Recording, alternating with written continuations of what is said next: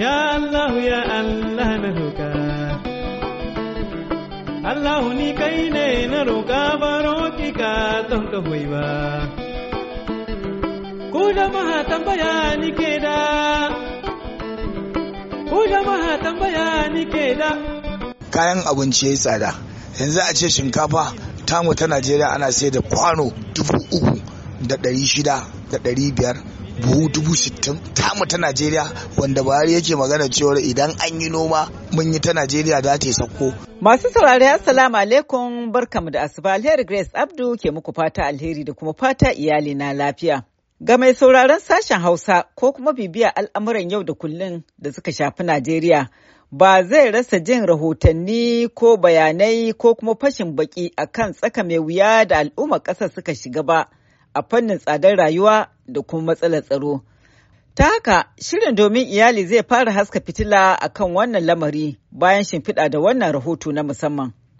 sunana Ismail Hassan da farayin kanan muka zo akan sai mana dubu ɗaya ɗari uku da ɗari huɗu to yanzu an ce dubu ɗaya ɗari shida zan zare in bayar da ina siya ina iya siyan kwano goma kwano bakwai kwano biyar yanzu na zo kwano ɗaya ma wani lokacin gagara ta yi. Gaskiya abubuwan sun yi yawa kayan abinci ya yi tsada yanzu a ce shinkafa tamu ta najeriya ana sai da kwano dubu uku da ɗari shida da ɗari biyar buhu dubu sittin. Tamu ta najeriya wanda buhari yake magana cewar idan an yi noma mun yi ta najeriya za ta yi sauko gaskiya ana yin mawuyacin rayuwa tunda mutane yanzu wallahi wasu da kyar ma suke cin abinci sau ɗaya ga dukkan alamu ma fa za a yi ta mutuwa Tuni dai wannan yanayi ya haifar da cece kuce a tsakanin 'yan ƙasar yayin da wasu ke zargin matsakaita da manyan 'yan kasuwa da laifin ɗaga farashin cimaka wasu kuwa na ganin gwamnati ce ba ta ɗauki matakan da suka dace ba domin warware wannan matsala. To amma Malam Mustapha Ibrahim wani ƙaramin ɗan kasuwa a kasuwar sabon garin Kano na cewa. Gaskiya mu a inda muke siyowa domin Allah mu ma idan mun siyo da sauƙi muna siyowa da sauƙi.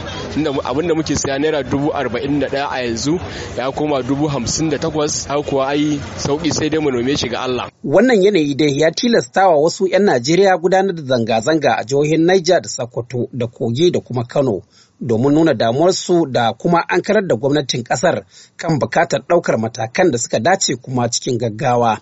A jihar Kano hukumar yaƙi da rashawa da karɓar ƙorafin jama'a ta jihar ce ta kai farmaki wasu daga cikin wuraren da 'yan kasuwa ke ajiyar kayayyakinsu na abinci a kasuwannin Singa da Dawanau biyo bayan zargin cewa 'yan kasuwar na ɓoye kayayyakin masarufi da na abinci. Barista Muhi Magajiri gado shine shugaban hukumar. In da misali al'umma suna haƙuri ana yin hodin kamar na gini ana ɓoye kaya wasu suna cin riba.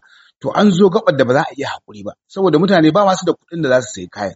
To ita kuma gwamnati ba za mu zira ido ba. Yanzu haka mun kafa kwamiti wanda sun kawo mutane mun kawo mutane an buɗe WhatsApp group. Ina ganin duk abin da ke faruwa yanzu a singa yanzu nan na ga sun saka mana farashi.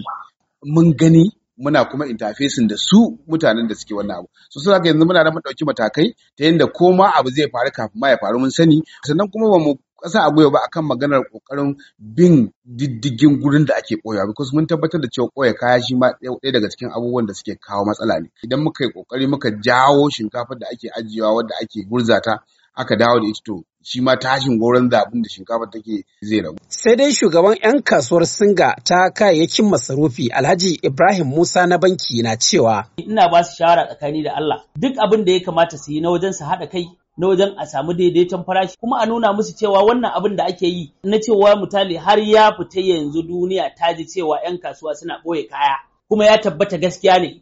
Sannan kuma wasu daga cikin 'yan kasuwanmu da suka tsorata sun fara fito da kayan kuma suna ragewa.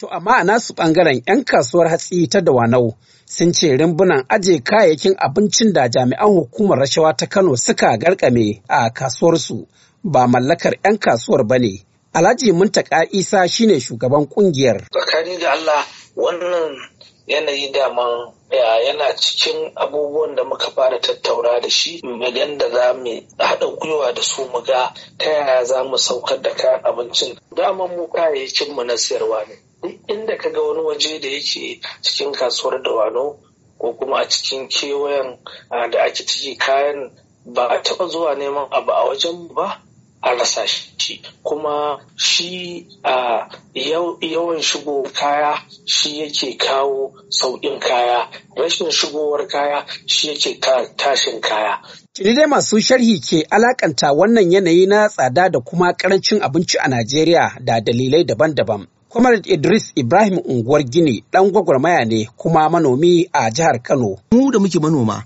mu da muke harkar noma, mu da muke shige da ficen kayan amfanin gona mun sun babu kayan gona. Kasuwar da zaka je ka tadda buhun dawa dubu hamsin ɗari yanzu ka je da kyar kake samun buhu talatin arba'in. Amma kuma ba 'yan kasuwa ne suka yi hodin ba. Ba 'yan kasuwa ba ne damuna ce gaba ɗaya ƙasar bata zo da ruwa ba. Muna arewa musamman ka ɗauko daga exit Zaria ka to har Maiduguri in ka zo dawa ake yi da gero da riɗi dawa ba ta kai ba farin wake bai kai ba waken suya bai kai ba. Masara ce ba ta kai a wani gurare. Shinkafa ba ta kai ba. Yanzu ga tsadan mai. Manoma da yawa ba za su iya noman shinkafar rani ba. Ina wata albasa. Na rantse ma da Allah na sha miliyan ɗaya da dubu ɗari biyar yanzu. Man fetur? Man fetur kawai. na bar ruwa wallahi. Kuma in zo tunkari shinkafa da ƴan ruwa ce ita da wannan man fetur din kuma in sai da ita nawa? Dangane da haka, Dr. Gazali Ado masanin tattalin arziki da hada-hadar kuɗaɗe wanda ke koyar da wannan fanni a makarantar nazarin gudanarwa da lamuran tattalin arziki ta Kano ke cewa. Dole dole ƙasar nan a haɓa ƙarfafawa 'yan Najeriya musamman 'yan kasuwa a gyara noma. Idan aka gyara noma kayan noma na Najeriya irin su zoɓorodo irin su riɗi irin su waken soya idan za a haɓaka nomansu a yi su kayayyaki ne da su citan nan da za a dinga fitar da su dalar tana shigowa. Shi matsalar tsadar dalar nan ta wuri biyu ne ta shigowarta da kuma bukatarta shigowar dala ta hanya ɗaya ce ta mai ne to yanzu saboda bashin da muka ɗauka kuɗin man fetur ɗin mu kashi wajen tamanin da wani abu cikin ɗari idan an siyar biyan bashi ake yi. Kaga dala da take shigowa Najeriya ne ta karanci dama idan ƙasa ta cika shigo da kayayyakin ƙasashen waje idan ƙasa tattalin arzikinta ba shi da ƙarfi da zai kasance kamfaninnika suna tasiri suna sarrafa kayayyakin da ake amfani da shi to dole na waje za su dinga shigowa da shi. Kaya da yawa da ake amfani da su kashi wajen saba'in ko tamanin cikin ɗari kayayyaki ne na ƙasashen waje su kuma in an siyo su da dala ake siyo su su suke ci mana kuɗi. Baya ga tsadar canjin kuɗin dala galibin masana da masu sharhi kan lamuran yau da kullum a Najeriya na ra'ayin cewa shirya tallafi daga albarkatun man ƙasar shine tushen shiga cikin wannan yanayi da 'yan Najeriya suka yi. Sai dai Dr. Sa'idu Ahmad Dukawa da ke koyar da kimiyyar siyasa da dabarun mulki a Jami'ar Bayero Kano ya ce akwai matakan gaggawa da ya kamata gwamnati ta ɗauka. Idan aka yi maza aka yi ƙarin albashi, na farko duk waɗanda suke 'yan albashi ne za su samu sauƙi na nan take. A mataki na biyu da sun samu sauƙi za su tafi kasuwa. Don haka 'yan kasuwa za su samu ƙarin ciniki da su ma kuma za su sake tafiya nemo kayayyaki. Haka abin zai ta kewayawa har mafiya yawan al'umma sun samu sauƙi. Haka kuma in ka buɗe bodan nan yan kasuwar da suke shige da fice tsakanin boda da sun samu sassauci nan da nan abin zai sauka ga leburorin da suke yin wannan aikin da dukkan wani wanda yake cin abinci ta wannan hanyar to amma ana zaune dinkin ba a buɗe bodar ba ba a kawo kayan abincin ba ba a ƙarin albashin ba. Ko da yake shugaba Tinubu ya sha nana ta cewa yana sane da halin da 'yan Najeriya ke ciki game da matsin rayuwa. kuma gwamnatinsa na ma ɗaukar matakan da suka dace domin gyara lamura. Amma la'akari da koke-koken da ke fitowa daga bakunan 'yan ƙasa ya sanya mai martaba sarkin Kano Alhaji Aminu Ado Bayero ya miƙa wani saƙo na musamman ga shugaban ta hannun mai ɗakin sa sanata Remi Tinubu lokacin da ta ziyarci sarkin a fadarsa a ranar Litinin ɗin da ta gabata. Abin da lokaci ya ba mu damar kawo muku kenan yau sai kuma mako mai zuwa mu gayyaci masu ruwa da tsaki domin neman mafita kan wannan lamari. Muna godiya ta musamman ga wakilin Mahmud Ibrahim Kwari da ya ba da gudunmawa ga nasarar shirin da kuma Dadi Balawe da ya daidaita sautin shirin a madadin su duka. Alheri ke cewa Allah tabbatar mana da alherinsa. Kai mata su ne duniya, su ne dadihin duniya, mata su ne duniya, su ne sarakan duniya, komi don su muke, ashe mu maza ba.